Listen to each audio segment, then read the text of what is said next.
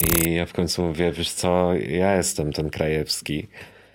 I ona, nie no co ty, Krajewski jest przystojniejszy. I nie dość, że jego głos jest niemalże identyczny, to AI napisało żarty, które są dobre. U nas nie ma pseudonimów, jak tam raperzy mają, nie? Tak. jak ja bym miał Krajewski, to Krajuwa, to źle brzmi w ogóle. Siłą jestem Krajuwa, dobry przelot, wjeżdża. Nie no, Słuchaj, no, okej. dobry przelot po Krajówie to by pasowało do Bydgoszczy, nie? Zaczynamy dobry przelot. Błażej Krajewski dzisiaj z nami. Dzień dobry, cześć. Cieszę się, że wpadłeś prosto z Bydgoszczy. Tak. I nawet zaczęliśmy rozmawiać o tej Bydgoszczy tutaj na, e, poza antenią, bo kiedyś Kamer Image odbywał się właśnie w Bydgoszczy. I Dokładnie, bo rozumiem, że tutaj ubolewasz. kolega operator... Yy, nie, to ty pytałeś, czy kamery mi czy z Bydgoszczy? kolega tak. operator powiedział, że już nie. No. I ubolewasz, rozumiem? No bo w Toruniu jest, no to kurczę. No. Tak, no i zacząłeś fantazjować właśnie o tym. Macie jakieś żarty na temat tego festiwalu i aktorów wielkich hollywoodzkich, którzy przyjeżdżają do Bydgoszczy? no właśnie tu wspominałem o tym, że nie wiem, czy to się nagrywało, że Keanu Reeves. Keanu, y, Keanu Reeves chodził po Bydgoszczy. No, No, i, ale- i, ten, i, i, i, I tak jak ty wspomniałeś, że on jest znany z tego, że rozmawia z bezdomnymi, no to ze mną też porozmawiał, a co? Nie, ale fajnie. No szkoda, że Toruń nam to odebrał. Znaczy też im kibicuję, bo w ogóle projekt jest super. No ale trochę moje bydgoskie serduszko ubolewa na tym. No. Oglądacie dobry przelot. Jeśli Wam się spodoba, śmiało subskrybujcie, komentujcie i wpadajcie częściej. A jak chcecie nas wesprzeć, zajrzyjcie na Patronite. No właśnie, ale słuchaj, ja jestem z Zielonej Góry i mamy też tę taką rywalizację żużlową pomiędzy. Falubazem a Gorzowem. No to a u tu nas wiem- to samo. No Polonia właśnie. Bydgoszcz i, Unia, Elana. Unia Tarnów, y, nie Tarnów, y, Unia, u- Unibax Toruń jest, tak? A Teraz, Unia Tarnów aha. jest, tak. Nie śledzę to, y, żużla, nie wiem co się tam dzieje. Aha, no ale macie taką nienawiść y, toruńsko-bydgoską, czy to jest ściema? Ściema chyba. No to tylko ci tacy oldschoolowi zagorzali chyba jeszcze mają taką spinę, a ja mam mnóstwo kolegów w Toruniu i w ogóle fajne występy w Toruniu, nawet lepsze niż w Bydgoszczy. Okej, a dlaczego się nie przenosisz do Warszawy?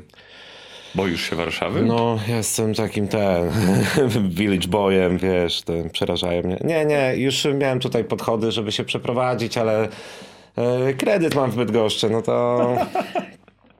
To jestem tam związany. Może kiedyś będzie mi dane tutaj wziąć na jakąś kawalerkę 15-metrową. A tam się nie da, rozumiem, wynająć mieszkania, bo nikt tam nie przyjeżdża. Nie, nie. E, Bydgoszcz w ogóle to jest idealne miasto na przejazd. Tak, tak mi się wydaje. Nie, no, sam byłeś kiedyś? No właśnie nie byłem, No. nie byłem, ale y, wiesz, I robiąc nie masz tutaj... tak nigdy, że wstaniesz rano i tak. Może Bydgoszcz, wiesz, no to, to nie jest ten wybór, nie? Albo że kręcisz globusem tam, uciekam, y, zaszyję się wy... O, w Bydgoszczy. No, zaszyć to się można w Bydgoszczy, ale tylko esperalem. Czy w ogóle Bydgoszcz to chyba takie miasto z kategorii jak Elbląg, że wszyscy wiedzą, że istnieje, ale nikt nie był. Ale Elbląg jest super w ogóle i Bydgoszcz też. Zachęcam, wpadajcie do Bydgoszczy, ja was ugoszczę, zapraszam na kawę, kupiłem właśnie. kawiarkę. Więc... Często mówisz o tej Bydgoszczy i też robiąc research y, wspominałeś o tym, czy ja przygotowując się do tej rozmowy y, widziałem, że wspominałeś o tym, że wszyscy twoi znajomi, którzy przyjeżdżają do Bydgoszczy są zachwyceni. Zresztą tutaj operator też wspomniał, że bardzo ładne miasto. No właśnie. Więc jak to z tą Bydgoszczą jest? Czy to jest Brzydgoszcz, czy jednak fajne miasto? No to jest... y, Jak z pięknym kaczątkiem, powiedzmy, że y, to, to, to, to musi tam. Trzeba trochę pobyć, żeby to piękno dostrzec. Y, Mamy przepiękną starówkę, przepiękne e, śródmieście, tylko że właśnie to jest problem takich miast, chyba że władze bardzo inwestują w tę infrastrukturę taką mm, centralną, a dookoła już jest kurczę Mad Max, nie? A odejdziesz 200 metrów w prawo czy w lewo od rynku, to, to, to możesz tylko kamerę wziąć i nagrywać gdzieś do BBC jako ciężki dokument. Tam ciężkie rzeczy się dzieją. Że taka dżungla miejska? Trochę tak. Bydgoska? No, no, tam się nie warto zaszywać gdzieś tam w inne rejony niż w centrum, ale, ale tak na Bydgoszczy się mówi w ogóle Wenecja Polski. Okej. Nie wiem, czy w Wenecji ktoś powiedział kiedyś, kurde, to jest Bydgoszcz Europy. Europy. Okej. Ale to rozumiem, że, że tam z- zalewa was, że są jakieś Nie. kanaliki. Nie. Szczury. Szczury. Nie, nie, nie, nie, nie. Po prostu mamy dwie rzeki, Brdę i Wisłę. Mhm. no, no. Przepływa przez miasto. W ogóle, w ogóle jak jest woda w mieście, no to zawsze na propsie, co nie? Cóż za pierścień ci Aż spadł, mi kurde. pierścień, sygnet spadł z Tak, wrażenia. tak. No właśnie, bo o tym Fordonie też twoim chciałem porozmawiać, bo to jest O. podobno jakaś pato dzielnica Nie, Bydgoszczy, i- czy to jest tylko taka legenda? Ja to chciałem oddemonizować. To jest po prostu blokowisko przedmieście Bydgoszczy, takie, Mhm. na którym się wychowałem i, i dalej mam tam przyjaciół. Nie mieszkam już tam, ale, ale no tak trochę dało mi to do, do takiej szkoły, takiego humoru. Mi w ogóle ludzie mówią, że mam fordońskie poczucie humoru, co jest taką mieszanką trochę takich w miarę inteligentnych spostrzeżeń z taką jednak dawką i trochę patologii. niestety, niestety. No. Okej, ale miałeś jakieś takie niebezpieczne sytuacje, bo na przykład był tutaj Cezary Jurkiewicz i on mówił, że no, by- bywał, w, w, on ze Skierniewic zdaje się, Tak, tak? No, tak. że tam bywało niebezpiecznie na tych jego chodnikach skierniewickich. No bywało, były takie sytuacje, że pamiętam jak szedłem do naszego lokalnego sklepiku, to na schodach była krew wszędzie i się okazało, że tam ktoś komuś podciął gardło w ogóle, wiesz. I to było takie... Okej, no to dobra, to idę tam, wiesz. Kolejny Draże dzień. korsarze, poproszę. Kolejny dzień w Bydgoszczy. No, no to nie, to były takie pojedyncze dni. E, Raczej to mm, Fordon mm, chyba się powinien kojarzyć z tą taką e, taką wielkomiejską sypialnią, że, że po prostu jest tam dużo młodzieży, tam po tym wyżu demograficznym i która była znudzona. nie? I, I to raczej ja bym nie wiązał tego stricte z taką patologią, że tam wszyscy jak w piątek 13 biegali z nożami na siebie. Czasem, ale, ale rzadko, no, tylko raczej z tą taką, taką nudą i apatią. I to, to jest też straszne, uważam. Ale to było niebezpieczne miejsce, nie? Musiałeś się bronić, bić. Zdarzyło mi się bić i ja kiedyś kilkukrotnie się biłem, ale gdy złamali mi nos, stałem się totalnym pacyfistą i przeciwnikiem wszelakiej przemocy. Ja nawet tych walk w klatkach nie mogę oglądać już. Nie? Jakieś, ja nie wiem, czy się stary robię, ja to taką przemoc już tylko kreskówkową lubię. Ale że tak porusza cię to, twoją wrażliwość, jak się tam biją patusy w, w tych Nie, free fightach? to- Czy... Patusy. No, y, nie, samo to, że ja wiem, że to jest sport i w ogóle chociaż freak fighty przez ciebie wspomniane, no to nie wiem, czy to, to do końca bardziej jest sport. show chyba. No, chyba freak, no freak show, No, tak. freak show. E, to, to nie, po prostu jakoś mm, przeraża mnie ta, ta, ta cielesna, fizyczna, to, że to jest jednak uderzenie, nie? Gdzieś Mhm. tam to, to się odbija. Te- Ten ból fizyczny e, gdzieś tam empatyzuję z tym i jakoś mnie to, to też fizycznie boli, gdy o tym myślę. Okej. No kurczę, to taka wrażliwość z ciebie wypływa, takiego delikatnego, wrażliwego pewnie, że tak, poety, no. że niemal. No, poety może nie, ale, ale tak, tak. Gdzieś wrażliwość. A nie może to z wiekiem się dzieje. Jakoś z roku na rok może coraz bardziej. Okej. Wa- właśnie też się zastanawiam, jak to, jak ten twój pierwszy dzień, kiedy komedia weszła w twoje życie, wyglądał, bo to też myślę ciekawa historia w związku z tym, jak to wyglądał ten twój pierwszy open mic w Bydgoszczy, bo jak sam powiedziałeś, przyszedł wówczas początkujący polityk, Tak. brzuchomówca i ty z trzema żartami. Tak. A Jaki- jesteś świetnie przygotowany, tutaj mega propsik. E, tak, bo e, w Bydgoszczy to nie był stricte tak zwany open mic, czyli otwarty mikrofon dla każdego. To nie był open mic komediowy, tylko taki ogólny, że można też było przyjść, nie wiem, zagrać coś na gitarze. Po prostu ludzie przychodzili jako na taki bardziej happening, że nie wiadomo, co się tutaj wydarzy, kto przyjdzie. I, i ja właśnie dołączyłem do tego gremium takiego... To, to takie mam talent fordońskich talentów, rozumiem, tak? A tak, mam talent. Nie mam talentu, powinno być. Brak talent, taki program. Brak talent, to Brak by było talent. dobrze. tak, tak. Nie ma Kuby Wojewódzkiego, tylko powiatowski jakieś, wiesz, takie podróby w ogóle bez jedynki, ty, ty w okularach po prostu. No i tam jakby konkurencję no zmiotłem, bo jako jedyny, wiesz, jednak mm, też komedia jest taką y, dziedziną, którą no, do ludzi najłatwiej trafia. Jeśli ich rozbawisz, to jesteś ich kolegą, a, a taki mm, gościu, który starał się mm, przekazać jakieś swoje polityczne postulaty, po prostu potrenować przed żywą publiką, publiką jak to, jak to tam wygląda, on w ogóle wyszedł tak bez sensu, nie? On wyszedł tak jakby, jakby, nie wiem, jak Korwin po trzech piwach, powiedzmy, nie? Taki tam, o, o, tam zmniejszy, podatki, tam, tam socjal, coś tam trzeba usunąć. Dobra, dzięki tyle ode mnie, nie? I poszedł do chaty. Ale to nie był Sławomir Mencen, który z Torunia Może przyjechał. to był młody pan Sławek, jeszcze Sławek Mencen, może, może. może, nie wiem, nie pamiętam, to było tak dawno, że być może, bo ja z tego co wiem, to chyba on jest niewiele starszy ode mnie w ogóle. No Chyba tak, on nie No, wiem, to ma młody- młody facet chyba. 8, coś takiego chyba. był. 30 chyba 6. 6, no. No. 40. No, więc może to był on. Ktoś ci przygotował grunt po prostu i potem ty wjechałeś. tak, tak. No ale oni też tam mają cyrk, wiesz, y, po nim pan Brown wychodzi na przykład z gaśnicą i ten, i, więc może on ma coś w sobie To takiego. też nie? są dobrzy stand-uperzy czasami. No tak? grubo. Bo Performerzy no, bardziej. performerzy, no tak, no bo pan Brown jest y, reżyserem, tak? Więc, Artystą. no artystą, no więc, więc y, no nie wiem, czy to jest najlepsze miejsce dla artystów, ale nam to dostarcza y, też materiały i rozrywki, więc... O komedii też chciałbym z tobą porozmawiać, bo, bo sporo interesujących rzeczy na ten temat mówiłeś, ale to zanim to jeszcze, y, bo nie wiem, czy pewne wydarzenie, o które chcę cię zapytać, wydarzyło się też w Bydgoszczy, ale mam pytanie, dlaczego krzyczałeś do kierowcy busa, który przejechał ci szklankę? No ja, będzie, od kogo to wiesz? Potem ci powiem.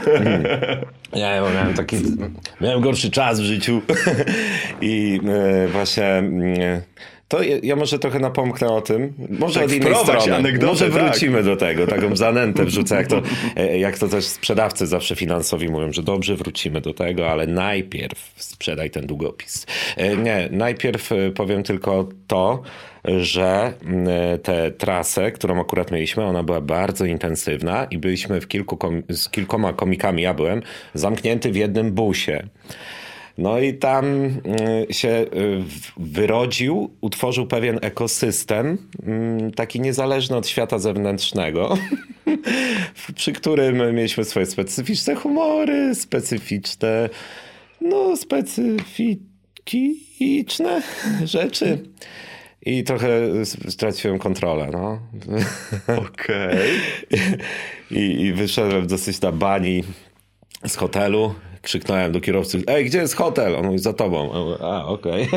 I byłem w takim stanie. Nie? I położyłem drinka na, na e, ziemi, na, na asfalcie. Kierowca go przejechał, ja zrobiłem awanturę i w ogóle. To był taki dzień. Ale już z tego wyrosłem, mamo. Ale to, czy zawsze wasze trasy koncer- koncertowe, stand-upowe tak wyglądają? Czy właśnie tworzy tam się jakaś szczególna Nie, już atmosfera? nie. To ja, mnie się wydaje, y, patrząc po sobie, że to są błędy takie dzieciństwa, bym nazwał, bo powiedzmy, że ta e, droga ze stand-upem to, to, to, to było takie moje nowe życie. I te początki były dosyć intensywne, nie ukrywam, bo też y, gdy się spotykaliśmy, nie wiem, każdy miał zajawkę, wymienialiśmy się w ogóle- swoimi spostrzeżeniami o komedii, to one często te wieczory y, kończyły się późno po prostu. Nie? Ale teraz jest y, tendencja odwrotna. Y, Prędzej z komikami pójdziesz do baru sałatkowego niż do zwykłego baru, myślę. A co, wszyscy stajecie się powoli abstynentami, tak? Trochę tak, no ale właśnie przez to, że ten początek był zbyt intensywny i to wszystkim się odbiło czkawką. Niektórzy tam powariowali, niektórzy już odpadli z tego biegu. Wszyscy na terapii. Na terapii to oczywiście, już nasi terapeuci są na terapiach nawet, już jak, te, jak Harley Quinn przerobieni tam przez Jokera. Y, Nie, ale te, te. No i też po prostu zdrowie zaczęło, zaczęło już tak y, dogorywać. Ja, ja na przykład teraz po świętach stary wszedłem na wagę i st- st- stówę ważę, rozumiesz? No i jak z automatu przestałem y, Jeść. pić, jeść, tak, tak. Jestem za strajku głodowym, jestem więźniem politycznym. Y, Nie, nie, rzuciłem, y, znaczy rzuciłem, rzucam alkohol i papierosy, tak, jak ta stówka mi na wadze wyskoczyła, to koniec. Ale podobno jak się rzuca papierosy, to jeszcze rośnie. Ta Waga? No. No nie, chyba nie, bo też, też y, alkohol jest kaloryczny i jakoś, nie, nie wiem. Ja tak- zrównoważy ci się. Zrównoważy się, to moje yin-yang, to jest to. No dobra, ale czy to w takim razie było trochę rock'n'rollowe życie, że Eee. właśnie melanż po występie, dziewczyny, jakieś groupies i tego, czy po prostu... Mnie się wydaje, że stand-uperzy to raczej banda lamusów. My nie jesteśmy rock'n'rollowi. Tak jak rock'n'rollowcy, nie wiem, w pokój hotelowy rozwalą, tak się mówi, nie? To my co najwyżej nie odniesiemy żelazka. Nie, naprawdę, to są mity. Mnie się wydaje, że kiedyś były, były takie momenty, że było grubo, to, to gdzieś tam wspominam z taką nostalgią, ale oczywiście spożywanie w ogóle takich trucizn, no to nigdy się nie kończy dobrze, tak naprawdę. Tu apelujemy, się oglądają to dzieci, tylko to- dobre dragi To brzmi jakbyście, to brzmi jakbyście się zestarzeli. Jak kabarety trochę, wiesz. No, kiedyś to było, teraz... Nie, no mi się wydaje, że, że w kabaretach też tam siedzą do późna, nie? Że też oni tam piją wódkę, nie, nie wiem. Zresztą, zresztą te światy jakoś tak o dziwo się nie przenikają. Też nie, nie wiem dlaczego trochę. A jakie masz podejście do stand-upu jako zawodu? Bo jak sobie poczytałem trochę na temat tego, jak się wypowiadasz o tym i tak dalej, to mam wrażenie, że albo trochę kokietujesz, albo umniejszasz y, temu, co robisz i co wykonujesz. Bo Aha. mówisz, że jesteście raczej chłopakami z osiedla, że w każdej branży ci nie wyszło, no i zostałeś komikiem, nie? No tak. Więc No, masz szacunek do tego zawodu? Uważasz, że to jest, nie wiem, trudne, że to jest jakaś sztuka? Czy to po prostu... znaczy może masz trochę rację, że tak kokietuję, bo mam takie... Takie dwutorowe podejście do tego, trochę takie dualistyczne, bo z jednej strony uważam, że rozbawianie ludzi jest szlachetne, w ogóle to, że sprawiasz, że ktoś się śmieje jest super, Poprawiasz mu dzień.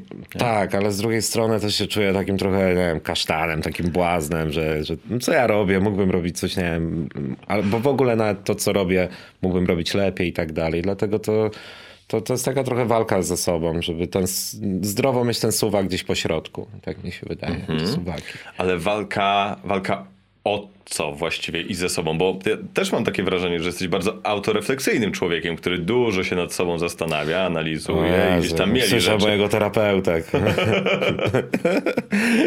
tak, tak. Gdzieś tam jestem dosyć krytyczny, krytyczny wobec siebie.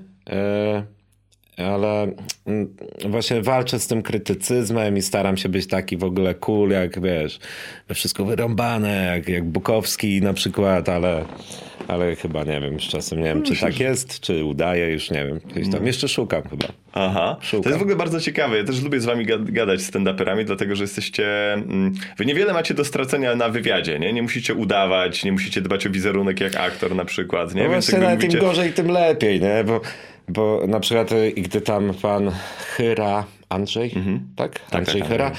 była kiedyś z nim taka pamiętam afera, że on właśnie gdzieś tam pijany chodził, gdzieś tam się tam, tam chyba e, odlał pod tam palmą, nie? I, I to było takie, no nie przystoje aktorowi teatralnemu, takiemu gdzieś tam. A stand-uper, który się gdzieś wysikał pod palmą, Mega, nie?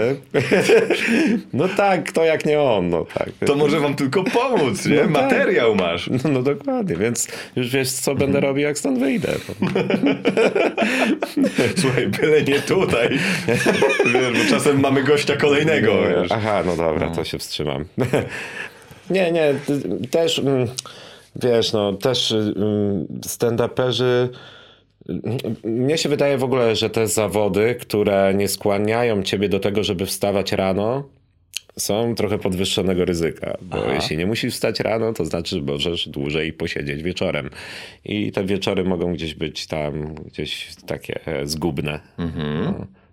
Okej. Wydaje mi się, że zdrowo jest mieć jakąś rutynę w takim wolnym zawodzie, żeby na przykład, nie wiem, wstawać rano, ogolić się, gdzieś wyjść i tak dalej, i tak dalej.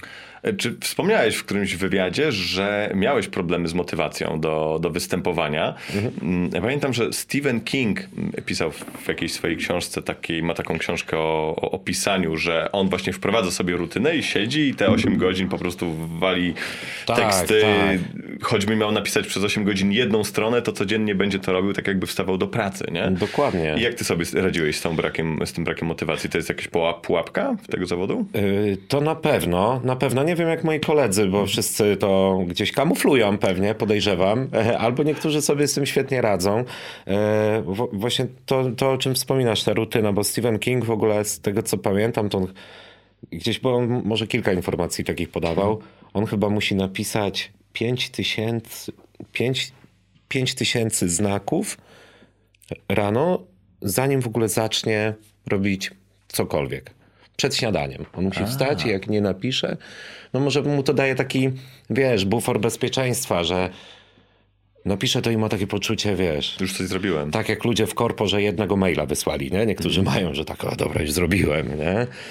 e, ja, ja szukam tej rutyny i chyba znalazłem sposób właśnie z Nowym Rokiem, że, że i tak pozytywnie jestem nastawiony. Wiesz co zrobiłem? No. Kupiłem taką starą Nokię, znaczy nowy, nowy, ale to jest zrewitalizowany jakiś stary model. Mam drugą kartę i teraz wychodzę rano bez smartfona, tylko mam taki stary ten, żeby mnie nic nie rozpraszało. Idę do kawiarni i piszę żarty. A, widzisz. I codziennie tak robisz? Nie, jeszcze nie zacząłem, jeszcze ale, nie, tak ale mówię, że wpadłem na rutynę. Okej, Nie, bo to od nowego roku. Wprowadzę ją zaraz, jak będę w Bydgoszczy. okej, okej. Ale to jest dobry pomysł. To ostatnio nawet gadałem z, z, z Stripsem, takim producentem muzycznym, że on też sobie kupił taki telefonik, który nie jest smartfonem, po to właśnie, żeby y, nic go nie rozpraszało, Tak. żeby nie było tych powiadomień, aplikacji i tak Tak. dalej. Chcesz do mnie pogadać, to zadzwoń. nie? Tak, i tyle. najbliższe osoby mają ten numer, czyli tam menadżer, dziewczyna, mama, i ty- komornik i, i tylko oni. I że jak coś ważnego, no to przyjdę do domu, bo ja też, też w ogóle uważam, że to trochę zabrzmi boomersko i, i tak, y, tak banalnie, że no social media strasznie dużo nam odbierają tej kreatywności. Ja mam takie wrażenie, jak rozmawiam też y, z kolegami, że to jest taki pusty pokarm, że napatrzysz się tam na, nie wiem, fajne osoby, na, na jakieś tam twoje tam pasje, ale jakby nic z tym nie zrobisz tak naprawdę. Nie? To, to są takie niepotrzebne mm, gdzieś tam kilobity w twojej głowie, które tam są jak, no jak puste kalorie, tak mi się wydaje. Bo na przykład Jerry Seinfeld, stand-uper, jeden z najbardziej znanych, on właśnie twierdzi, że fajnie jest się nudzić. Dobrze jest się ponudzić, bo wtedy mózg szuka czegoś, żeby zająć y, ciebie i jakoś tam twoją kreatywność gdzieś obudzić. nie? No chciałbym w tę stronę pójść, taką trochę oldschoolowo dziadowską właśnie, że chodzę z tą kartką, gadam z ludźmi, wiesz, tak, ten. nie? E, To, to myślę, że jest dobry kierunek. Widziałem nawet kiedyś takie wideo właśnie jako, jako rolkę, że ej, przypomnij sobie piątego Reelsa czy tam TikToka do tyłu, nie? Jakby nie pamiętasz, bo przelatujesz po prostu Tak. i, i ta, to kradnie ci uwagę, nie? A rzeczywiście i masz takie momenty właśnie, gdzie, nie wiem, idziesz na spacer, jaka jest, i masz jakąś taką, takie swoje sposoby na brak weny, no bo to jest trudny zawód właściwie, e, jeśli chodzi o pisanie żartów, nie? Jak to robić tak, żeby to dobrze wychodziło? Tak. Y, Tutaj nie ma chyba na to recepty, jak to Kazik Staszewski tam miał w 12 groszach, jak powstają twoje teksty. Gdy mnie ktoś tak spyta, uderzę z papcia i coś tam poprawię z kopyta. Y, Mnie się wydaje, że tutaj trzeba właśnie karmić siebie dobrymi rzeczami, takimi, które ciebie rozwiną. Czyli jeśli ty lubisz to, jesteś czymś dobry, albo nie wiem, nawet masz jakąś pasję, taką niezwiązaną z twoim zawodem, to, to pójdź w tę stronę. nie? żeby, żeby właśnie rozwijać siebie jako człowieka i też śledzić to, co się dzieje tam, podpatrywać od, Ameryka, od amerykańskich komików. Mówię nie, że tam merytoryczną tam treść, tylko nie wiem, styl, to jak mówią i tak dalej. Nie, nie wiem, nie, nie mam na to sposobu, trochę się ściemniam teraz, szczerze mówiąc, tak mi się wydaje. Że... A, a jak wygląda u ciebie kwestia, mm, myślę, że to jest w ogóle jakiś taki dość duży problem w pisaniu żartów, autocenzura. No bo wie, wiem, że unikasz na przykład żartów o mamie. Teraz, Tak? bo, bo, bo się musisz tłumaczyć później, tak? Trochę to jest tak, duży no. problem. Z, jakby, czy ludzie łapią w ogóle coś takiego, że hej, jak mówię o mamie czy o dziewczynie, to to nie jest o mojej dziewczynie i mojej mamie? E, Nie wiem, jak to wygląda od strony ludzi, bo szczerze powiedziawszy, ja na przykład pamię- pamiętam, jak byłem młodszy i oglądałem kabarety, to tak trochę nie wiedziałem, czy to prawda, czy nieprawda, co oni mówią. Chyba tak, e, tak dawałem się nabierać na te iluzje. I teraz mam wrażenie, że część ludzi wie, że to nieprawda, a część naprawdę ślepo myśli, że my to wszystko tak przeżyliśmy tak jeden do jeden. nie? I na przykład z moją mamą, którą pozdrawiam, moja mama jest kochana, ale ona tak chyba nie do końca potrafiła przejść przez tę barierę właśnie tej iluzji, że no to jest jakby, mówię o mamie jako o, nie wiem, ikonie matki, jako o postaci takiej, nie wiem, jak, jakbyś pisał książkę i tam postać matki, że ta matka w żarcie to, to nie ty, wiesz, i tak i, i mnie się wydaje, że może nie każda matka może mieć z tym łatwość, żeby to zaakceptować, że jednak jej syn mówi, moja mama to. A miałeś takie problemy, że mama na przykład dzwoniła zapłakana, że ojej, dlaczego to powiedziałeś, synu? No tak prawie, no kiedyś się obraziła na mnie, tak na dwa tygodnie chyba. Bo jakiś występ usłyszałem, tam w ogóle w Comedy Central miałem być i w ogóle tam mi nie poszło jakoś, też nie chcę zwalać na montażystę, ale montażysta tam jakoś sk- sklecił tak ten mój set komediowy, że on był, tam były tylko jakieś nie- niecenzuralne słowa. I moja mama w ogóle obdzwoniła swojej koleżanki. Mówi, słuchajcie, mój synuś będzie w telewizji, musicie obejrzeć. Moja mama jest księgową, nie? więc wszystkie księgowe lokalne by, w Bydgoszczy, Bydgoskie. tak, bydgoskie i z okolic zebrały się przed teleodbiornikami i zobaczyły, jak syn pani Krajewskiej wychodzi i mówi K, P, C, H, H i HW, co, DP. Nie? I, I pamiętam, że moja mama była zła na mnie. Nie? Zadzwoniła do mnie, mówi, co ty robisz? Nie? Co to ma być? Z tym jeździsz po kraju? Nie. Mówi, nie mamo, bo ja tam wystąpiłem pół godziny, oni puścili pięć minut i on- ją to nie obchodziło w ogóle. Nie? Wow. No. I się nie dziwię, ale już z, z czasem myślę, że, że moja mama, czy mama Lotka, bo Lotek też jest znany z tego, że na swoją mamę mówi, na swoją, na, na, na tą wyimaginowaną swoją mamę mówi, to mi się wydaje, że przywykają do tego rodzice trochę.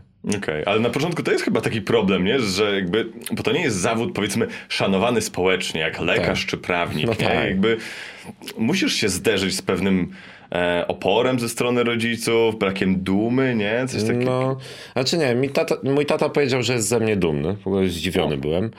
E, Że, że, że tak powiedział. E, Chociaż też wcześniej kiedyś był na mnie obrażony. To jest jakiś żart. Za żarty o tacie, czy o Tak, tak. Że coś tam powiedziałem, że zamiast y, 6-9 on mówi spanie w nogach, nie? No i tam później jego koledzy coś tam do mnie mówi, a twój stary tak mówi, serio? Nie. nie. o, to, jest, to jest ten krzyż, który komik musi nosić. Okej, e, to, to jest, no, no właśnie, ale też em, ciekawa jest twoja historia związana z żartami gdzieś tam z dzieciństwa, bo e, historia zwierząt ciśnień mnie rozbawiła. O tym, jak to podobno marzyłeś o tym, żeby zamieszkać w wieży ciśnień, bo nie ma kątów w środku. Aha, a to prawda, no. No, to No. o co chodziło? No byłem niegrzeczny, jak byłem mały. I stawałem, musiałem stać w kącie często. No. to były te takie metody wychowawcze najtisowe. Tyłem do, tyłem do nas i w kącie. I no, jak widziałem te wieże ciśnień, to z łzą wokół sobie wyobrażałem, że, że tam mógłbym nawet coś nabroić, napsuć i nie byłoby mnie gdzie tam posadzić. To podobno za swoje żarty lądowałeś w kącie. No też się tak zdarzyło, bo ja mam w ogóle starszego brata, też jak z kolegami przychodził, no to ja powtarzałem to po nich, nie? Aha, że jakieś wulgarne żarty, tak? No i tam gdzieś tam przy, e, przy stole rodzinnym, jeszcze nie pamiętam tego żartu, ale w ogóle mój ojciec dał mi go dokończyć, co jest najlepsze, nie? I ja dokończyłem i Okej, ale to nie jest... pamiętam, był jakiś sprośny żart. Ja go powiedziałem przy cioci, przy babci, nie? I się podjarałem w ogóle, że, że w końcu mam ich uwagę, nie? Bo No. też jako najmłodszy to miałem trochę problem z tym. Może też dlatego właśnie, że byłem najmłodszy, miałem gdzieś problemy z, z takim skupieniem uwagi, bo tego najmłodszego to się zawsze ma tak trochę tam, Mhm. a, młody coś gada, nie? I może nie wiem, chciałem być kontrowersyjny już wtedy. Okej. No właśnie, a czy komedia, bycie stand-uperem, komikiem jest jakąś taką formą walki o uwagę?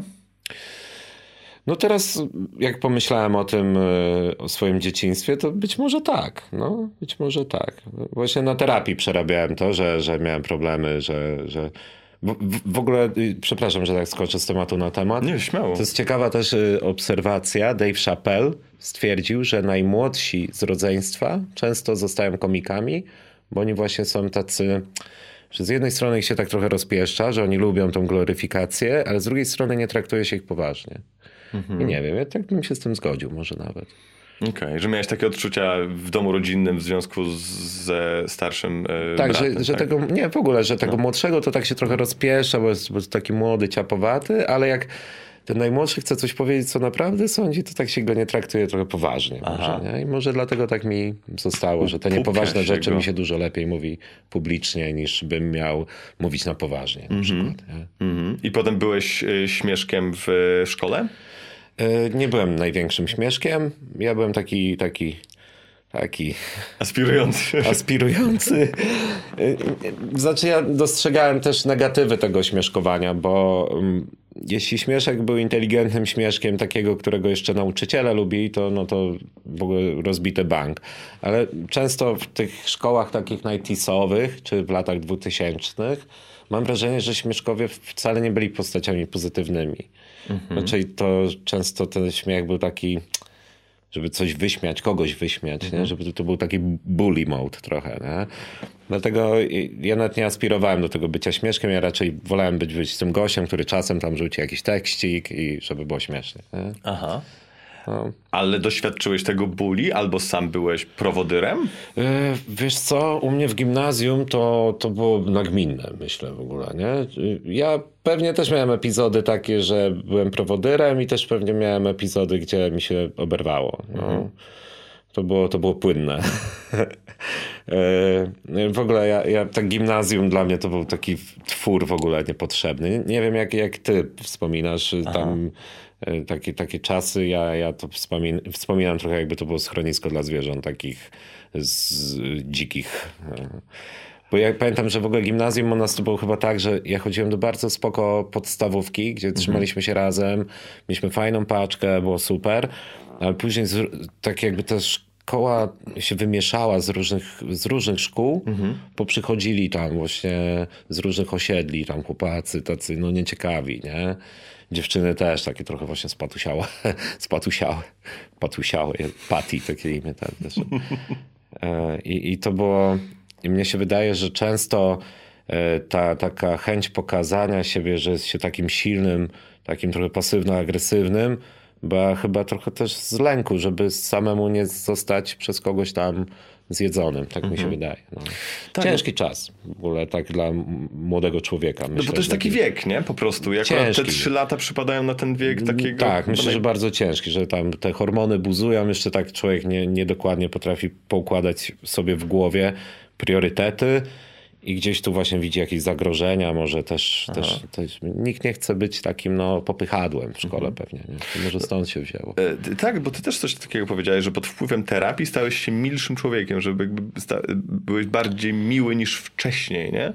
I, I, zastanawiam się, czy, czy właśnie sarkazm i takie żartobliwe złośliwości wobec innych są jakąś formą karmienia swojego ego i obroną przed tym światem. No nie? to na pewno. To w ogóle teoria humoru o tym często mówi, że humor jest tak naprawdę takim mechanizmem obronnym. Mhm. Gdzieś, gdzieś czytałem, ale to dawno, to już nie będę tutaj tylko y, parafrazuję. Y, I że, że właśnie wbrew pozorom ten śmiech czasem on jest przykryty czymś. Nie? Lękiem, może czymś, jakimś strachem i, i właśnie też jak rozbawisz agresora, no to, to już jest twój kolega. Nie? Mhm. No, no. To, to, ale już tak bardziej na taką dysputę filozoficzną gdzieś tam, myślę. Aha, ale, widzisz... ale ciekawy temat poruszyłeś, to jest e... ciekawe. Stary, możemy o tym pogadać. Nie musi być ty, to dobry przelot zabawny, nie? Więc jakby nie... Smutny przelot. Smutny przelot. Spokojnie, mam jeszcze pytanie o Zanzibar, więc będzie zabawnie. O, spoko. E, więc, więc dojdziemy do tego. Także tego. Ale, dobrze, ale skoro, skoro jest to temat, który cię ciekawi, czy widzisz na przykład wśród kolegów komików, że to jest teza, która się potwierdza? Że oni wszyscy są ludźmi z problemami, którzy traktują humor Ta, jako... Dużo, dużo komików jest z problemami, ale ja w ogóle, dla mnie komedia trochę tak e, pokazała, że w ogóle ludzie są kruchymi osobami. Wszyscy jesteśmy I, i gdzieś tam żyjemy takim prowizorycznym takim obrazem, że każdy musi być w ogóle taki no silny, e, wykształcony najlepiej, e, empatyczny, ale też taki trochę tam sarkastyczny i w ogóle. Ale mi, mi terapia też i taka bliskość właśnie z otwartymi ludźmi pokazała, że, że człowiek e, mm, człowiek wiele w sobie nosi takiego ładunku i smutnego i wesołego i trzeba i trochę być ostrożnym też. Mhm. Ja trochę mam problem, bo ja zawsze traktowałem komedię jako właśnie coś takiego niezależnego, że tam właśnie może być trochę ostrzej, że to jest forma ekspresji przekazu, ale widzę, jak komedia zaciera się z rzeczywistością. Hmm. I coraz łatwiej rzeczywiście kogoś obrazić, bo e, widzę, jak w Stanach Zjednoczonych ta poprawność polityczna, już nazwijmy to tak ogólnie, e, no, to, się, tak, tak, to się staje, że ta komedia przestaje być komedią, tylko staje się być takim już poglądem mieszającym się z rzeczywistością. Jakimś manifestem politycznym? Tak, tak, tak, mhm. tak. Mam wrażenie, że komicy tego unikają, ale siłą rzeczy społeczeństwo tak mm, tworzy ten obraz komika jako właśnie głosu już y, społecznego. Gdzie uważam, że tak nie powinno być. W sensie, jeśli jakiś komik ma na to ochotę, to powinien to zaznaczyć. E, A, a ja na przykład uważam, że ja, ja mam ochotę pisać tylko głupie żarty tak naprawdę. No. Ja nie, nie mam zamiaru jakoś tam. Może, może za kilka lat będę miał jakieś takie szersze poglądy, że rzeczywiście bym chciał coś zmieniać, ale teraz, teraz naprawdę mnie to nie interesuje. E, czy, czy fakt, że je, jesteś ostrożny, w sensie nie chcesz e, śmiać się z mniejszości, z rasizmu, ze słabości, z chorób i tak dalej, nie? A Ale z drugiej, robię. No, a, a z drugiej strony nie ma tematu tabu, nie? Więc pytanie w takim razie, czy w ogóle istnieje coś takiego jak, jak temat tabu, albo czy, nie wiem, istnieje coś takiego jak obraza uczuć religijnych. No wiesz, no w ogóle uczucia religijne to też uważam, że to jest taki trochę twór, taki worek, który, którego nie da się zamknąć tak naprawdę, nie? Bo no, możesz wierzyć w cokolwiek i można obrazić na, na każdy sposób. No. Już samym tym, że ktoś wierzy w kogoś innego może być obrazem. Więc, więc ja w ogóle w ten rejon tak niechętnie wchodzę. Ja nie jestem zbyt religijnym gościem i trochę boję się takich ekstremistów religijnych, więc tak nie, nie, unikam tego, tego rejonu gdzieś tam. Czy w ogóle chyba każdy ekstremizm jest niebezpieczny w jakiejkolwiek dziedzinie. No w sumie tak, no. no nawet jakbyś szparagi chciał jeść, wiesz, no to w końcu to też się źle skończy. Mm, A skąd wziął się u ciebie y, ta pasja do naśladowania głosów? Bo wiesz, teraz mocno używasz tego w, swojej komedii i to Aha. jakby świetnie wychodzi, Dzięki. ale udawałeś też i nauczyciela języka polskiego w gimbazie Tak, właśnie. tak. Wiesz, w ogóle ja zawsze miałem jakieś problemy z mową. Ja teraz też chodzę w ogóle do logopedii. Już nie wiadomo, czy to u mnie jakieś, czy, czy ja mam to jakby muszę coś tam... Mój kolega na przykład, on mm, ma problemy z mową, bo mu się szczęka zaciska. Nie? I No to ja jest też, częste, tak. I też ja nie wiem, czy ja nie mam z tym problemów i muszę się dokładnie przebadać, ale zapisałem się do logopedy, na emisję głosu i tak dalej, bo wcześniej ja tego nie robiłem i przez to też miałem takie no... No, Nauczyciele mi czasem mówili, że jakoś tak dziwnie mówię albo coś takiego. A, a, a, i, I gdzieś tam trenowałem ten głos na swój sposób. I, I też lubiłem właśnie naśladować jakieś tam rzeczy, nie? Właśnie na, nauczyciela polskiego, to no, koledzy mi mówili, że idealnie go naśladuję. No to przerwy mieliśmy załatwione. Jak ja już, on tylko przeszedł i ja tam jakieś tam teksty jego głosem mówiłem, nie? No to koledzy się śmiali. I też wiedziałem, że ta forma bardzo, bardzo, bardzo rozbawia. E, czy tam właśnie naśladowanie jakichś innych głosów. Ludzie to lubią, ja też to lubię. Nie, no to jest rewelacyjne. Wiesz, to nie jest jakieś tam, nie wiadomo jak y, komediowo, tam głębokie, nie? Ja trochę też walczę z tym takim dydaktyzmem komediowym, bo też gdzieś jest tam nurt, że komedia to powinna być taka mądra, w ogóle z przekazem i tak dalej, nie? Ja uważam, że nie powinna być prostacka i, i, i tyle, nie? No chciałbym się bardziej na tym skupić. Ja trochę zaniedbałem to. No bo też tak trafiłem na takich zawisnych ludzi, może na swojej ścieżce kariery, którzy mi mówili, że, że takie udawanie głosów to w ogóle to lipa i że nada i tak dalej. A, okej. Ja byłem takim żuczkiem, takim bardzo, wiesz, chłodnym tego, co mi ktoś mówi i tak trochę w to uwierzyłem przez moment. Ale później tak jak trochę dojrzałem, to stwierdziłem, że to jest fajne. No. Stary, to jest genialne właśnie nowy program trochę chciałbym na tym oprzeć. Jednak wrócić do korzeni takich, bo trochę od, odbiłem od Mhm. tego, ale chyba pokochałem to na nowo i tylko trochę, kurczę, to jest też dziwne, wiesz, Mhm. to naśladownictwo głosów. No. To też nie jest łatwa robota, szczerze powiedziawszy. Też nie wiadomo, jak się za to wziąć. Ja trochę zapomniałem, jak się to robi i muszę znowu wrócić. Tak. Tak? A jesteś tę słynną Iwonę, na przykład syntezator mowy, teraz w stanie tak od... Ja długo tego nie robiłem. Już, ja bym musiał ją posłuchać w ogóle. Aha. Bo w ogóle to mm, tak tutaj taka próbka, jakby ktoś chciał się uczyć e, takiej mm, mm, impressions, to się mówi w Stanach Tak, Zjednoczonych. i, i, impersonations chyba coś To takiego. też, no Nie? tak, Albo tak, to bardziej no. postaci. Tak, impression. Te, te dwie formy chyba są tam poprawne. To jest ważny taki catchphrase, czyli żeby tak, na przykład te Iwony to bez takiego tego yo yo, nie? to trzeba to na początku powiedzieć, bo inaczej to mi w ogóle nie wyjdzie. A jak powiesz tam Yo, yo, MC Madafaka, witamy w dobry przelot, ha, ha, ha, ha, ha. No, nie wiem, długo tego nie robiłem, bym musiał poćwiczyć. E, Że wchodzi ci to po prostu masz taki Tak, tak, ten catchphrase, tak, tak. który ci nastraja ci dokładnie, głos. nie? dokładnie. No to warto robić. No. Aha. E, no ale mówię już tej Iwonę, to trochę już mi obrzydła ta No Iwona. nie dziwię się, nie? ale dlatego chciałem właśnie nie, nie o to, bardziej o jakie jeszcze postacie, no bo jest ten Hugo znany, Cejrowski, Iwona, to pokazywałeś w swoich tych, ale mm, to jest sztuka, która na przykład za Oceanem jest ceniona i podziwiana i to Tak. w ogóle od lat, bo Kevin Spacey na przykład, Aha. jak był sprzedawcą butów, Okej. to się bawił w ten sposób, że ludziom sprzedawał buty głosem e, Johnego Carsona. Nawet się chyba wbił któregoś razu na Super. jego występ, udając e, jego syna i mówiąc właśnie tym O głosem, ja, nie? piękne. Więc się zastanawiam, wiesz, jakie też ty miałeś e, inne głosy, które naśladowałeś i czy miałeś sytuację, że się z czegoś wyłgałeś albo coś sobie ogarnąłeś tym głosem. E, Może nie, że wyłgałem, ale dzwoniliśmy do mojego kolegi na przykład na studiach i głosem wykładowcy go tam strasznie ochrzaniłem, nie? I to tak za grubo, nie? Że w ogóle ma się wynosić z uczelni, że, że ten, że nie potrzebujemy takiego kolejnego e, człowieka, który nic nie wnosi do tego świata naukowego i pamiętam, że on się przejął, nie? No to raczej, raczej w formie psikusów używałem tego. Tak, także się wyłgałem, to, to nie. Okej, to świetne.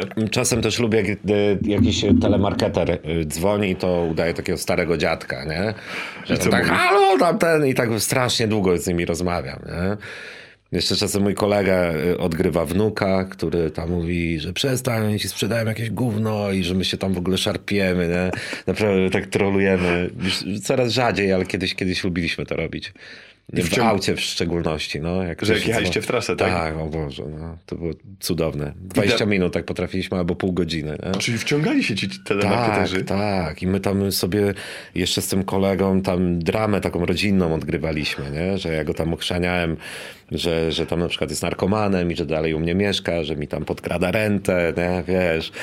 No to, to taka naprawdę guilty pleasure to było takie, nie? Jakie były reakcje tych telemarketerów? Oni byli przejęci, nie? Bo wiesz, ci telemarketerzy, ja mam wrażenie, że oni są zawsze i tak mentalnie związani z telefonem, e, bo oni chyba, nawet jakby tam, nie wiem, był Holokaust 2, to on i tak by liczył, że coś sprzeda, tak mi się wydaje. Nie wiem, ja też kiedyś pracowałem w sprzedaży, więc pewnie też bym tkwił w takiej rozmowie. E, Ale no dzisiaj tak sobie myślę, no trochę zabraliśmy tam komuś czasu, nie? Znęcaliście się nad nimi, oni tam już czuli pieniądz. Pewnie tak. Nie, no. już myśleli, No bo też odgrywaliśmy, że ja bardzo chcę to kupić, a że ten wnuk mówi, że nie, ja, że mi to potrzebne, tam jakieś koce, czy tam garnki. Jak na to reagował telemarketer? Mówi, niech pan go nie słucha? Nie, albo ja tam jeszcze robiłem, dobra, że już tam poszedł mój wnuczek, ten, ten cymbał, nie? I, I on, dobra, tak, poszedł, no to ja mam taką ofertę, wiesz, w, taki, w takim komitywie jakbyśmy byli w ogóle, no. No śmieszne to było. No to było trochę, no trochę no, nie, niepotrzebne. Jeśli słucha tam to, ta osoba, to przepraszam, że jej zabrałem czas Czy ku, to musi być- ku swojej przyjemności. Czy To musi być mega trudna psychicznie w ogóle do wytrzymania praca telemarketera.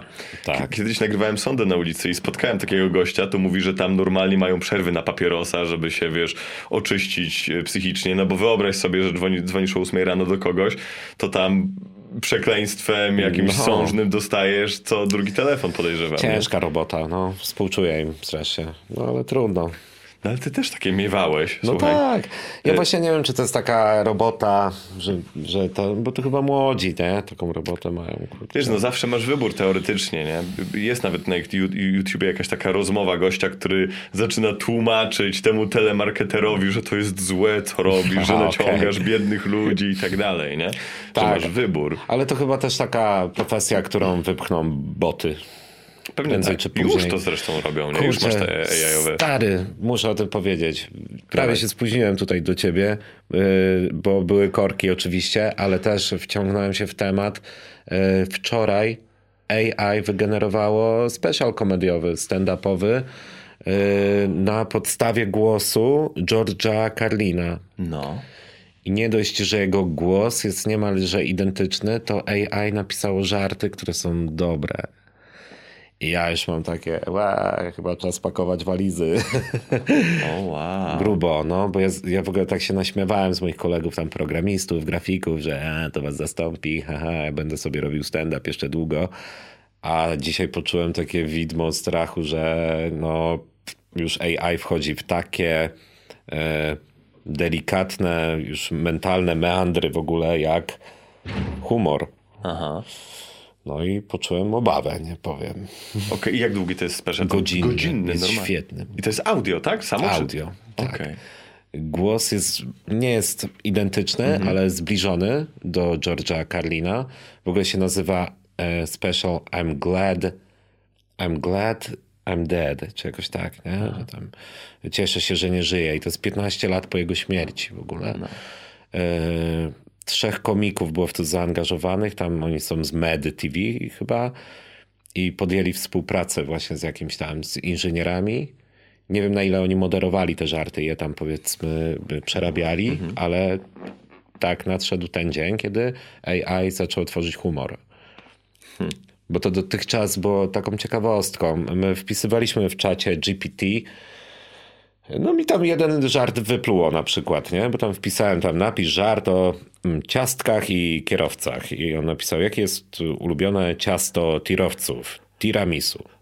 No i zgadza się, nie? Wszystko, struktura żartu jakby jest okej, a żart jest kiepski, nie? No ale już ta bariera widocznie została przekroczona. Żart jest kiepski, bo jest oczywisty, sztampowy, taki wiesz, pierwszy, który Znaczy nie, on jest taki po prostu No. matematycznie Tak, napisany, o tak, to chodzi, tak. nie? Że No tam o właśnie. tir, no tiramisu, no mamy tir, tir, nie? no, tak, śmieszne, tak, nie? tak. skojarzenie, gra słowna. Nie?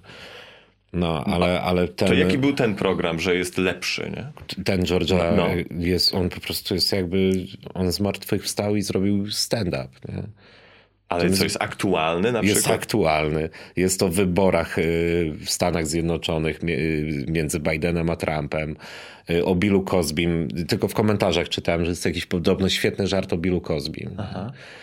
I no ja to będę przesłuchiwał. Ja dopiero to przed przyjazdem A, do jadąc ciebie. tu słuchałeś Y, fragmentu. Tak, tak. Okej. No. Świeża sprawa.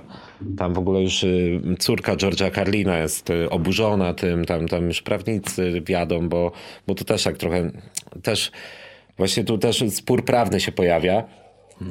No bo kradniesz tożsamość. No właśnie, kradniesz czy używasz głosu? Tak jak czy ja kradnę głos, wiesz, kogoś, jeśli go udaje. No i tam jest cała już dysputa taka, nie? Na ten temat. Ba- bardzo ciekawy temat. E, No i jestem ciekaw, w którą stronę to pójdzie.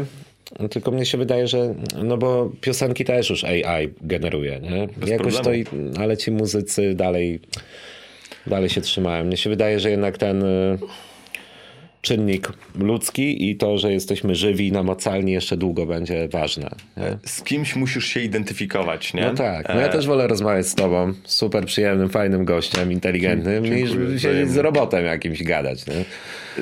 I właśnie to jest chyba to, że wygenerować specjala możesz, tak? Ale pójść na występ AI i co ci postawią? Ekran czy hologram? Tak. Pewnie przyjdzie moment, że takie AI będzie w stanie wchodzić w interakcję, bo to jest też przecież siłą waszych występów Tak. i, i właściwie ich podstawą ta interakcja, nie? To jest sztuka sceniczna, a nie ekranowa to, co wy robicie. Tak, no to byłoby ciekawe, gdyby AI było na tyle inteligentne, żeby rzeczywiście zadawać ciekawe pytania i do ciekawych wniosków dochodzić, żebyś ty dowiedział się czegoś o sobie na przykład, nie? Żeby to nie było takie głupie, a co studiujesz, to ha, ha, ha, to, to jest coś tam, nie? Jak to w polskim stand-upie. Ale y, taki robot, myślę, czy hologram mógłby być ciekawy. Ciekawą alternatywą, jak, takim zjawiskiem, trochę jak takim medium, jak takim boskim wręcz, nie? że ono ciebie prześwietla i ty się dowiadujesz czegoś o sobie. Ale to jeszcze długo, długo nie, myślę. Znaczy, wydaje mi się, że też my jako ludzie potrzebujemy postaci, z którą się identyfikujemy, nie? Tak. Fajne są eksperymenty typu jakaś tam koreańska czy japońska influencerka, która jest tak. wygenerowana przez AI i sobie Tak, tam na niej tak. zarabiają pieniądze i tak dalej. No ale to nie jest ktoś, kto kurczę nagra ci szczerą relację na stories i coś ci powie, co No cię tak, poruszy, albo zainspiruje cię, albo że znajdziesz jakiś punkt wspólny, nie? Tak, i to mnie pociesza, to, że jednak jesteśmy takim gatunkiem stadnym też, że my lubimy wyjść jednak gdzieś tam na coś zjeść razem, czy na tam drinka właśnie, żeby posłuchać muzyki, tam pójść na jazz, pójść na stand-up, nie, tak dalej. Tak samo czy obejrzeć wywiad, to z, no bo jakby tu siedziały dwa boty i miały idealne odpowiedzi, no to, to by było straszne tak naprawdę. Czy właśnie widzisz, tak jak twój występ, każdy pewnie występ jest inny trochę z racji No tak. publiczności, tak każda rozmowa jest inna i ja nie wiem, mimo tego, że o proszę, tu jakby są rzeczy, to, to ja nie wiem, co się Tak. tu wydarzy, nie? Tak. W ogóle słyszałem, że w Japonii AI chyba kandydowało na prezydenta, nie? Był taki chyba dwa lata temu. No, to nie słyszałem o Się tym. tak myślałem, jakby AI było u nas prezydentem na przykład. Ale to słyszałem, że chyba w Ameryce Południowej, czy jakby AI u nas było prezydentem, to byłoby pewnie lepszym. Bo by się trzymało prawa. O, wej. Ale by nie wytrzymało, by tam chyba WD-40 No. waliło już tak, ja mam dosyć, nie, nie gadam z nimi. Czy myślę, że byłoby dobrze, gdyby politycy ogólnie wszyscy częściej pytali się AI, co zrobić? Bo e, ja z kolei słyszałem, że nie pamiętam gdzie, gdzieś w Ameryce Południowej chyba, e, przyjęli całą ustawę napisaną przez AI. Okej. Jakąś tam dotyczącą jakiejś kwestii i AI przeanalizowało dokumenty, ustawodawstwo i wymyśliło rozwiązania i w ogóle stwierdzili, że zajebiste. No i właśnie to, to się wydaje fajne, żeby się tym posiłkować. Mhm. Że jednak, żeby człowiek był i żeby to było narzędzie. Tak, czy to jest game changer? Absolutnie. No, Natomiast spoko. chyba nie jesteś tak zagrożony, miejmy nadzieję, nie? Y, No nie, chyba nie. Też y, z Sebastianem Rejentem dzisiaj, dzisiaj pisałem, że może być tak, że właśnie ktoś, że będzie łatwiejszy próg wejścia może do stand-upu. Okej. Że będzie można łatwiej się przygotować. Na przykład jeśli ktoś będzie dobrze, dobrze znał te narzędzia i robił lepszy research, to będzie... No tylko też właśnie pytanie, jeśli ktoś na przykład jest, nie ma tego drygu i jest, nie jest zabawny, to pytanie, czy mu to te narzędzia coś przyniosą. Nie? Albo może w ogóle to się stanie bardziej z sztuką odtwórczą, Też W sensie, że- istnieje takie ryzyko. że no, jesteś performerem, który występuje i to fajnie pokazuje i fajnie opowiada, a nie wymyśla, bo coś No wymyśla tak. za ciebie, nie? No może tak być. No tutaj to może pójść w wielu kierunkach. Nie? Ciekawe, ale dyskutujecie na ten temat, na, na temat AI w Teraz środowisku? się pojawia dyskusja Okej. bardziej. No, no i niektórzy podchodzą tak, że e, tam co ty gadasz, nie? E, a niektórzy już tak wieszczą koniec takiej komedii, nie? Ja, ja też bym, ja, ja bym nie patrzył aż tak e, mrocznie na to, ale zmieni się na pewno e, rynek, też zmieni się podejście do pracy. Może to ułatwi dużo. Bo, bo jeśli to by miało polegać na zbieraniu informacji na jakiś temat i dawaniu sugestii pewnych, no to spoko, ale jeśli to by miało pisać żarty, no to już... Bo też AI tak samo mo- mogło książki pisać. Podejrzewam, że jakieś tam skandynawskie thrillery, tyle ich powstało, że gdyby tam przewaliło to przez te tam, ten, ten bank tekstu, no to, to by AI pewnie w godzinę napisało coś takiego. Nie? Myślę, że tak, że, że jest, to, jest to możliwe, ale to mm, wracając trochę do ciebie też, mm, bo stand-uperzy i raperzy to, jest, to są, takie dwie grupy, które zapełniają stadiony w tym kraju, nie? I teraz się zastanawiam, czy ty się na przykład jako topowy komik czujesz brzemię popularności, czy wy jesteście trochę, wiesz, bo ludzie was znają, ludzie na was przychodzą, poruszacie tłumy, przyciągacie, ale nie macie statusu pudelkowych gwiazd, No nie. Właśnie ja mam wrażenie, że my nie jesteśmy y, ciekawi aż tak. Że my jesteśmy tak raczej na zbicie piątki tylko. I tyle. No bo u nas nic ciekawego się nie dzieje. My nie mamy jakichś ciekawych romansów, nie, nie, nie nosimy jakichś ekstrawaganckich ciuchów, fryzur tam, nie malujemy się, nie, nie, kolory, nie farbujemy włosów tam, jakąś, jakąś reklamę podpiszemy. No, Taka nuda, nie? Aha. I z czego to wynika? Ze środowiska, w którym się, czy z charakteru pracy? No właśnie chyba też ludzie też tak myślę, że lubią komików, bo na przykład znali kogoś podobnego właśnie w klasie, mieli jakiegoś takiego śmieszka, nie? że tak. Że jesteście normalnymi ludźmi. Tak, tak. I- i Ja zauważyłem, ale może w ogóle tak mi się wydaje, że, że już y, nie wiem, rzadko ktoś do mnie podchodzi i mówi tam panie Błażeju, nie? Tylko raczej Błażej, że ten dystans jest od razu taki skrócony przez to. Że może ludzie tak myślą, że a dobra mordka, to tam wiesz, nie? Aha. nie, nie, ja nie odczuwam tego na pewno. Na pewno komicy tacy jak tam, nie wiem, Paczyś, Lotek, Socha, tacy, którzy teraz tam są na tym takim boom, w tym topie, w tym, w tym takim piku, to pewnie to odczuwają, nie? A ja trochę tak patrzę na to też, że o, mógłbym lepiej, mógłbym więcej, ale trochę mi dobrze też w takim e, położeniu, że mogę normalnie pójść do knajpy i sobie coś zjeść. Okej, czyli nie rzucają się na ciebie z telefonami, zdjęciami. Nie, i nie, tak. nie, nie.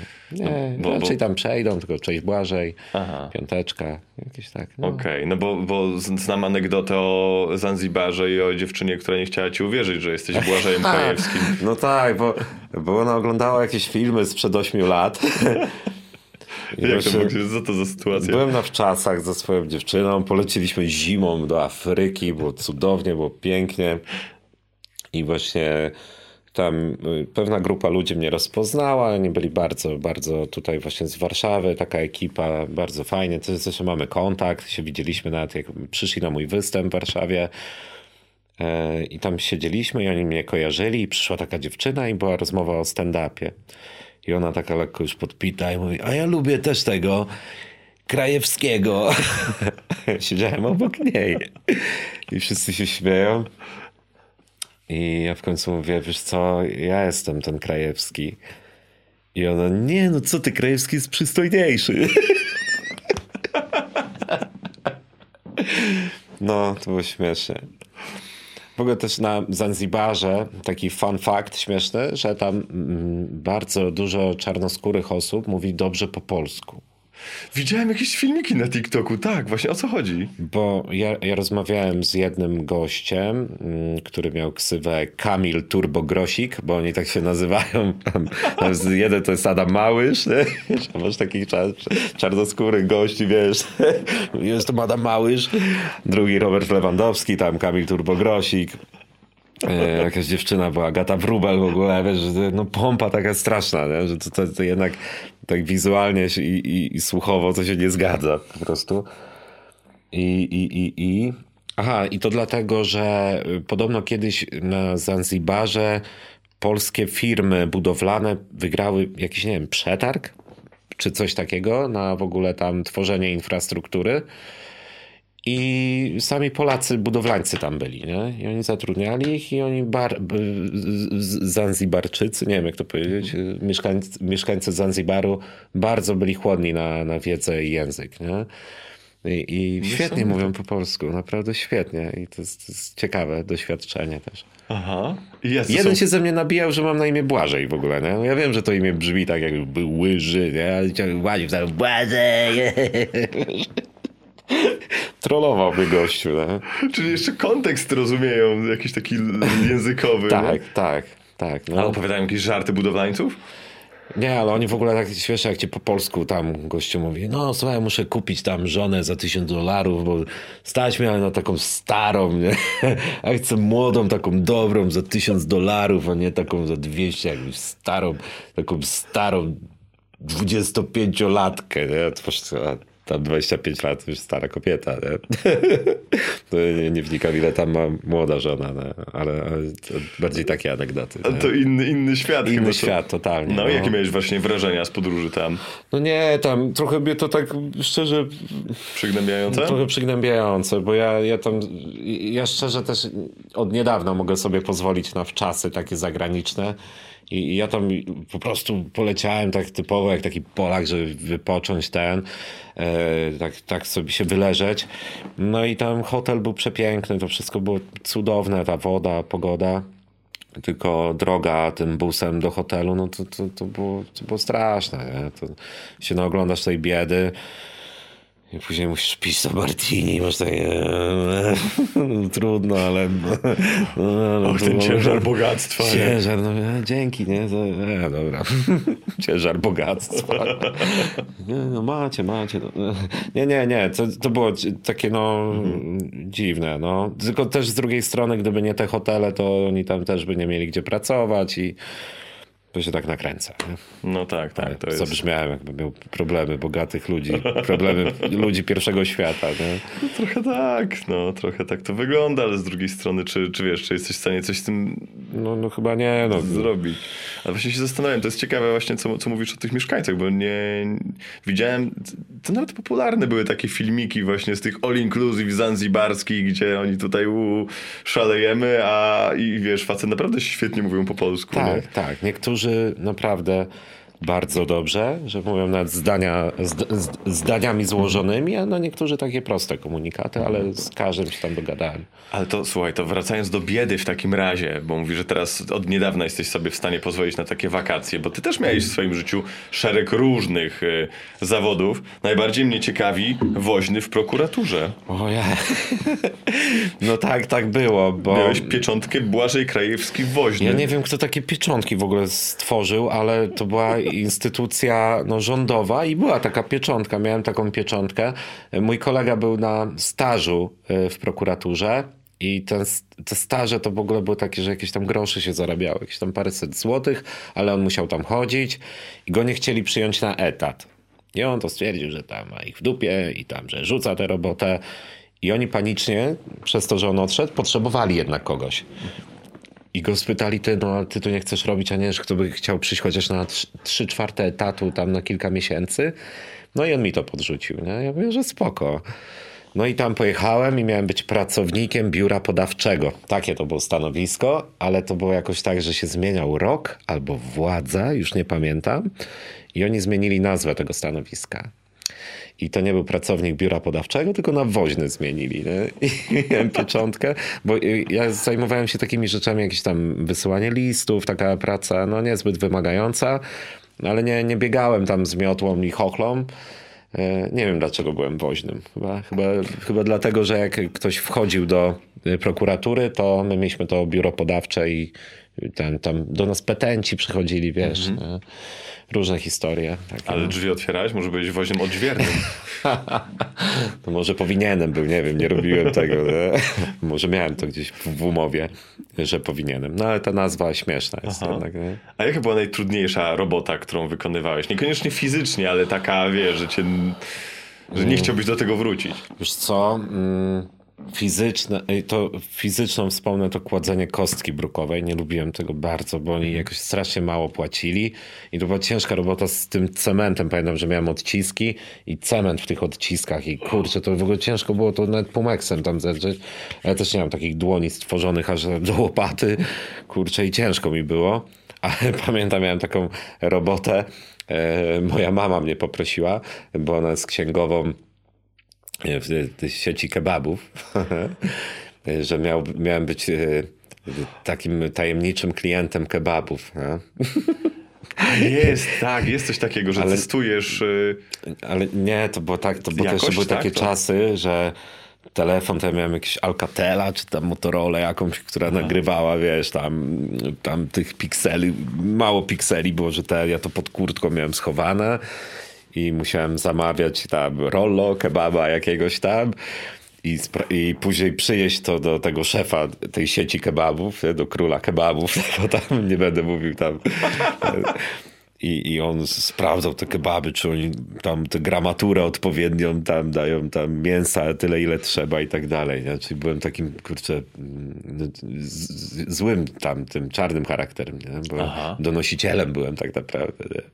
Czyli... Ale to jeden dzień tylko, tak. Ale to sprawdzałeś, czy franczyza na przykład dotrzymuje jakości? Tak? To trochę o to chodziło? Czy... Takie wewnętrzne badanie to było, no. Że Zlecane przez króla kebabów. Przez króla kebabów a samego. Jak, a jak wygląda król kebabów? Bo mi się taki dżabba, wiesz, no, wyobrażam sobie. Taki, no, dosyć pan. Korpulentny. Taki, tak, no. No, obwieszony łańcuchami. W mojej wyobraźni tak, no. I na, i na słoniu siedzi wachlowany. Nie, nie, nie, nie. To właściciel tam tej sieci. I, i, i no ja musiałem... No, chcę brzydko powiedzieć, żeby brzydko nie powiedzieć, no, no, no skarżyć, no. W sensie ja przyniosłem i on ocenił, że tam się nie zgadzało. Że kapusiem byłeś. Kapusiem byłem przez jeden hmm. dzień, no. Ale byłem bez roboty, co miałem zrobić? Brałem to, już matka mówi, weź coś zrób, kurde, człowieku, bądź kapusiem, chociaż u króla kebabów. Dlaczego ci nie wyszło w tej pracy? nie, to była taka dorywcza na jeden dzień tylko, mhm. że no, pewnie moja mama podrzuciła nawet, a może zrobimy ten tutaj audyt. Mam takiego może chciała zaszantażować ich tam, wiesz. No może tak, no, może, może miała jakiś tam, no. nie wiem, czy jak moja mama to wykorzystała, czy tam król kebabów, co zrobił z tą wiedzą. Mam nadzieję, że nie ma tego w archiwum kebabowym. A dlaczego ci nie wyszło w normalnych pracach? Bo ty miałeś wiele takich różnych rzeczy, które chciałeś robić. Filmowcem chciałeś być scenarzystą też. tak? Ale ja chciałem być, ale to nie było poparte niczym tak naprawdę. No. Bo w Bydgoszczy nie było tak jakieś tam, były jakieś kółka teatralne, jakieś takie rzeczy, ale, ale ja, ja raczej tam miałem jakieś plany, pomysły i dużo słomionego zapału, tak mi się wydaje. nie? A inne tak, najpierw to były do, takie dorywcze prace w takim wieku młodzieńczym, później miałem jakieś poważniejsze, których po prostu nie lubiłem. Nie? Źle się czułem gdzieś tam. Miałem jakieś tam przy komputerze liczyć księgi przychodów i rozchodów klientów i później analizować, czy mają zdolność kredytową, to w ogóle nie dla mnie. Nie? Aha. Ja na przykład teraz jak pożyłem trochę jako komik, to ja nie mam pojęcia, jak ja w ogóle wtedy dawałem radę tam, nie wiem, siedzieć przy tym kompie, te tabelki robić. No. Teraz totalnie bym tego już nie ogarnął. nie? Czy mental chyba trzeba do tego mieć, że są ludzie stworzeni do tego i do tego i ja szczerze mówiąc będąc freelancerem też sobie nie wyobrażam 8 godzin od do codziennie. Ale takie życie ma też swoje zalety, bo masz wszystko ustrukturyzowane, wiesz czego się spodziewać, wiesz ile zarobisz i, No tak, i tak, po prostu tak. sobie spokojnie żyjesz, nie? nie? Nie masz pracy do północy, nie? To Tylko praca i życie. No, bycie freelancerem to, to jest taka, no e, i duża, e, duża przestrzeń, w której jeśli się odnajdziesz, to fajnie, ale też duża, no, jak to wujek Ben mówił, odpowiedzialność. Nie? no bo ty tu jesteś swoim kowalem. No. Ty to No tak. Duża niepewność. niepewność i, i jak ktoś coś skrzani, no to głównie ty, nie? Bo, bo nie zrobiłeś, nie dopiąłeś i tak dalej. Nie? No a jak się widzisz za, nie wiem, na 20, 30, no bo też nie będziesz miał etatu, emerytury, swobodnego przejścia, okresu jakiegoś tam bezpieczeństwa, wypowiedzenia Tak. i tak dalej, nie? Nie wiem, jakiś ekowarzywniak bym chciał mieć. Coś takiego. Masz pasję do warzyw? Tak, jest na Cyprze ekowarzywniak i siedzieć, tylko chillować cały Hodowałbyś dzień. bakłażany. No, dokładnie. Tak, z Łukaszem Kowalskim. Pozdro. Nie, nie. Ja, On by te meble wam robił ci do tego warzywniaka. O, meble też robiłem kiedyś. Też Byłem byłeś tak, stolarzem przez stolarzem? chwilę, ale tak u wujka, u mojej babci na wsi pomagałem tam w zakładzie stolarskim przez wakacje tam y, z roku, jednego roku i drugiego roku, pamiętam. Te wakacje, jak się na studia szło, to one były takie wydłużone, to chyba z 4 miesiące pracowałem tam. I wcześniej jeszcze, jak byłem niepełnoletni, to też tam u niego pracowałem, pamiętam. Aha. No pamiętam, że my byliśmy niepełnoletni, on do nas przychodził, mówi, słuchajcie, jakby tutaj z kontroli przyszli, to mówcie, że wy mi pomagacie, tylko tutaj trociny zamiatacie, nie? My, dobra wujek, nie? I tam wiesz, słuchawy i piła, wiesz. No to była taka niebezpieczna robota teraz, ja tak na przykład, teraz tak w sobie myślę, kurczę, tam mogłem palucha gdzieś stracić, nie? No kurczę, wiadomo. Zresztą u mojej babci był gościu, który miał ksywę pistolet i nie miał tych trzech palców, nie? Naprawdę. I miał ksywę pistolet, czaisz? I normalnie pistolet, chodź tu, nie? I on, no dobra, tu. Nie? Jak go pytali, dlaczego pistolet, to pokazywał brak trzech palców. Tak, nie? I on chodził, wiesz, cały czas.